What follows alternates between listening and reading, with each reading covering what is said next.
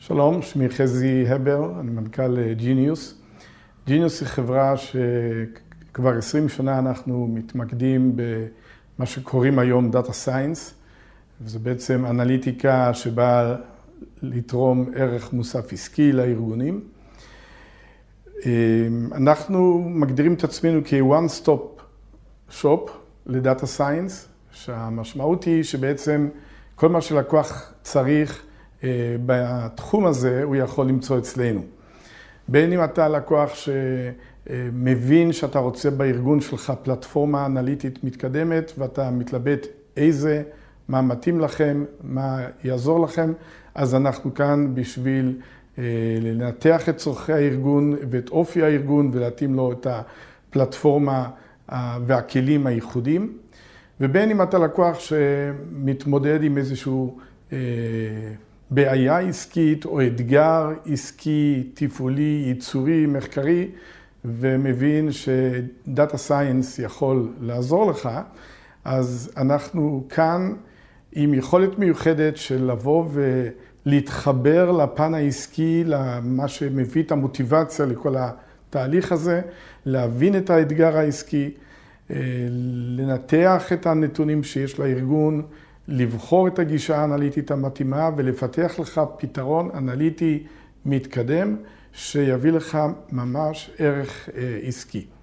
ובין אם אתה לקוח שיש לו כוח אדם, יש לך אנליסטים משלך ואתה רוצה הדרכה או שירותים מקצועיים כמו ייעוץ, ליווי בפרויקטים או כוח אדם שלנו, זה משהו שאנחנו עוסקים. ולכן אנחנו one stop shop for data science, כתובת אחת תחת קורת גג אחד. אבל אני רוצה לחדד מה הייחודיות של ג'יניוס ומה מבדל אותנו. בעצם כולנו מבינים ש data science זה לא רק היכולת לכתוב ב Python או ב-R או לתכנת, להשתמש בספריות, וזה לא רק אוסף של אלגוריתמים יהיו מתקדמים ככל שיהיו.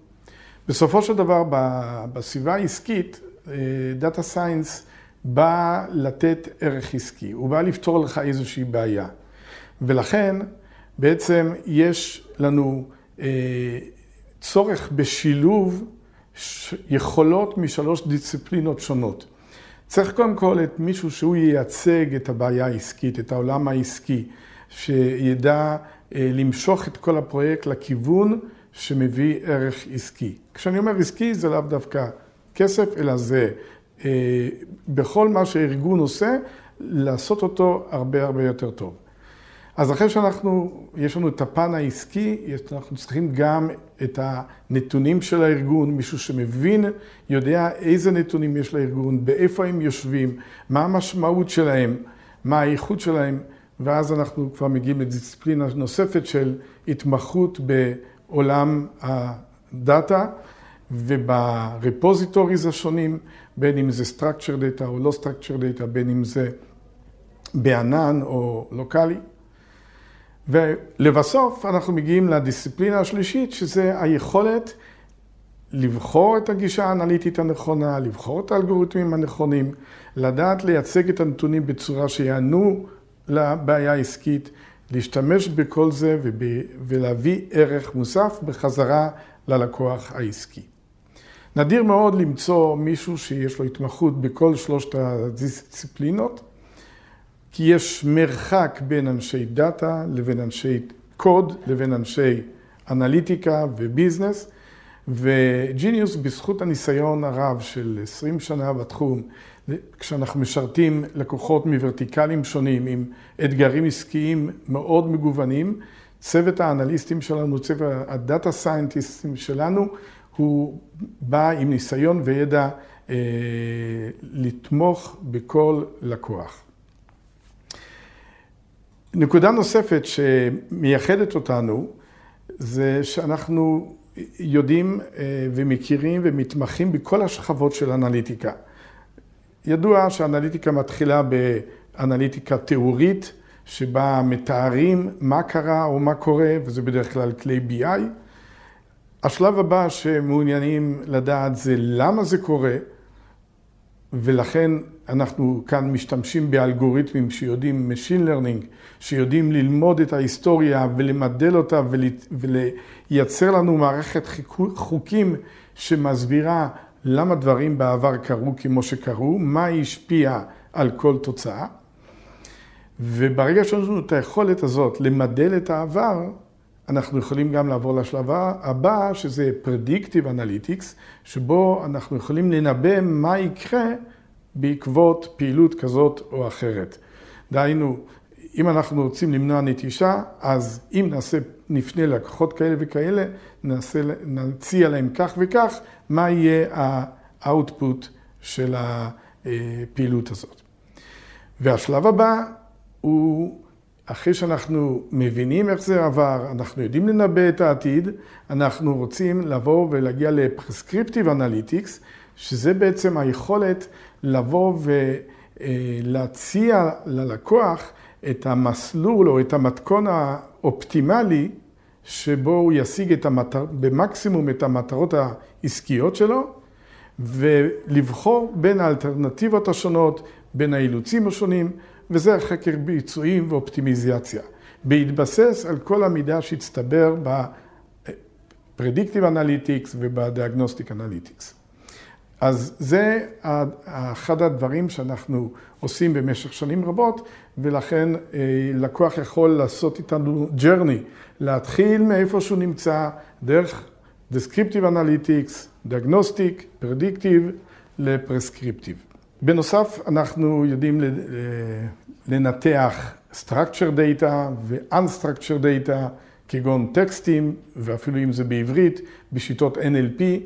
אה, אנחנו עובדים על פלטפורמות אה, של IBM עם ווטסון, ווטסון API, ווטסון סטודיו, ווטסון Machine Learning, וכל הכלים האלה הם מביאים את היכולת של לנתח Structure ו-Unstructure Data ולנצל את כל הדאטה הארגוני שקיים אצל הלקוח אה, לטובת האתגר העסקי שהוא רוצה לקדם. אני רוצה עכשיו לעבור לסקור מספר פרויקטים אה, שעשינו בעבר, וזה בעצם ימחיש מה, מה בעצם אנחנו עושים. נתחיל בפרויקט של עשינו לנמל אשדוד. נמל אשדוד זה, זה שער הסחורות הגדול במדינת ישראל, שדרכו נכנסות אה, אוניות מאות במאות או אלפי מכולות, וכמובן גם ייצוא. אה, והאתגר העסקי שלהם הוא, תארו לכם שפורקים אונייה עם אלפי, מאות מכולות, איפה למקם כל מכולה. יש להם שטחי אחסון קרובים ורחוקים, ושמים מכולה על מכולה, אז מכונה ספציפית, איפה למקם אותה? בראייה שכשהלקוח של זה שהביא אותה, היבואן, יבקש אותה, יהיה הכי קל והכי זריז לספק לו את המכולה. אז פיתחנו מודל שיודע, בהתבסס על ההיסטוריה ובהתבסס על כל הנתונים שקיימים בנמל עצמו, לבוא ולנבא ברמת מכולה ברגע שהיא ירדה לאדמה, תוך כמה זמן היבואן יבוא ויפנה אותה מהנמל, ולאור זה הם מקבלים להחלטות האם למקם אותה רחוק, בשטחי אחסון רחוקים או קרובים, האם להניח מעליה לקונטיינרים אחרים או לא. וגם בזמן שהלקוחות באים, משאיות מגיעות כדי לדרוש את הקונטיינרים, יש להם אה, ערוגות שבהם הקונטיינרים נמצאים, המודל המנבא עוזר להם לדעת כמה משאבים, מנופים, משאיות, כוח אדם, להקצות לכל חלקה, כדי שלא יהיה מצב של צוואר בקבוק, שבחלקה מסוימת יש ביקוש גדול למכולות ואין משאבים, חלקה מסוימת יש משאבים ואין ביקוש. ובצורה כזאת הנמל בונה תוכנית הקצאת משאבים אופטימלית ומשפר את השירות ללקוח. אז זו דוגמה של ניבוי, Predictive Analytics, יחד עם, עם אופטימיזציה. דוגמה נוספת זה מוצר שפיתחנו לארגונים יצרנים, ניקח לדוגמה יצרני מזון, אבל לאו דווקא, או סיטונאים גדולים, שהם מוכרים מאות או אלפי מוצרים, מק"טים, ויש להם מאות או אלפי לקוחות. ובדרך כלל במקרה הזה היוזמה של הרכש היא בידי הלקוח.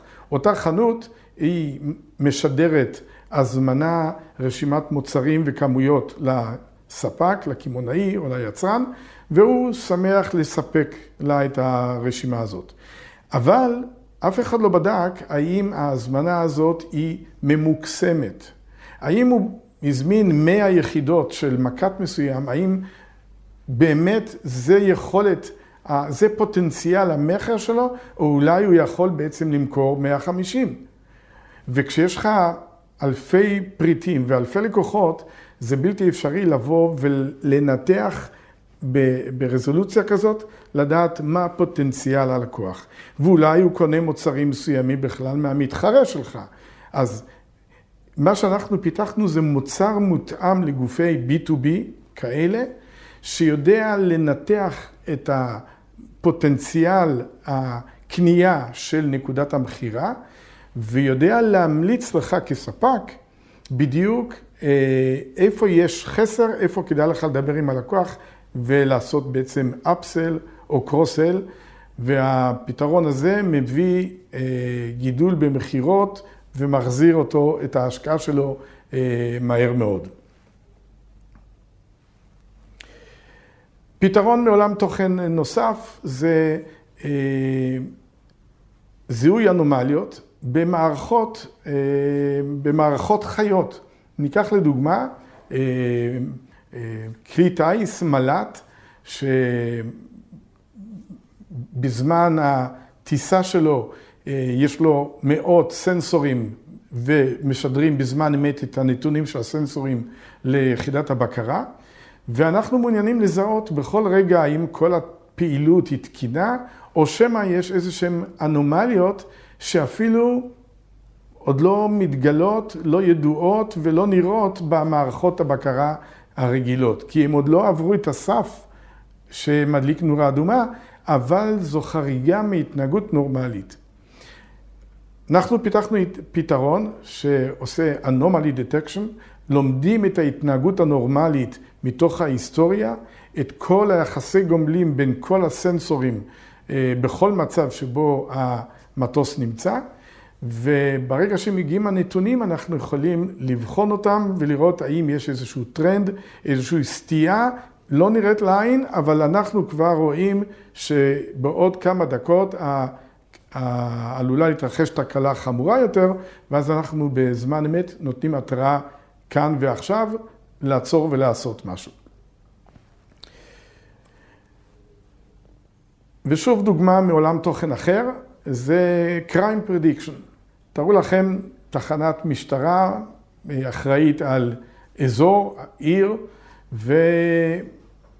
ורוצים לדעת איך להקצות את הכוחות, לאיזה משימות, איפה לפטרל ולמה לצפות.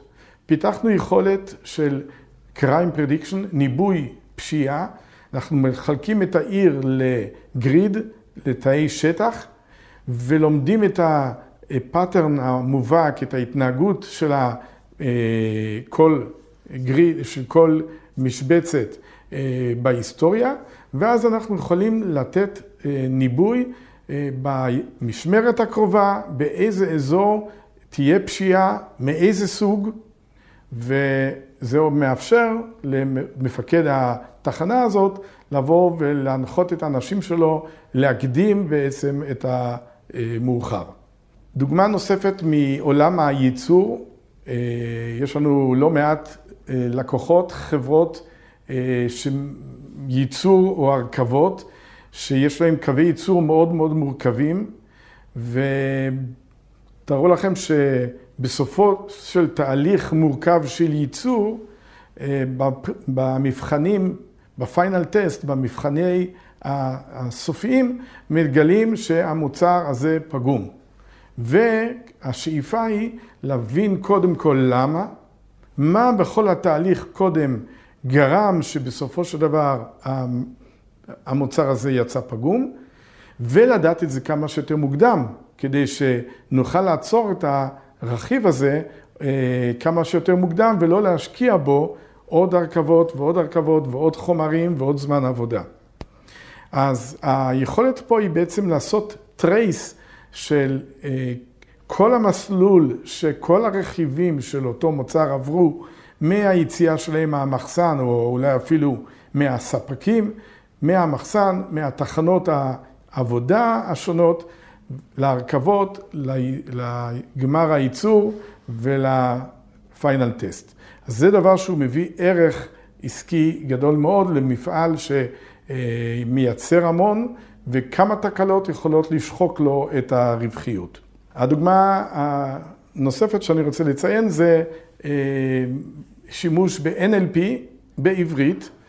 אה, אנחנו יודעים שיש לנו המון טקסטים, כולל בעברית, שנאגרים בכל מיני רשתות חברתיות, אה, בטלפון שלנו, ולפעמים יש ארגונים שאין להם אפילו מערכות מידע מסודרות, כל המערכת התפעולית שלהם מבוססת על טקסטים, בין, בין אם זה בוואטסאפ או בהתכתבות אה, אחרת.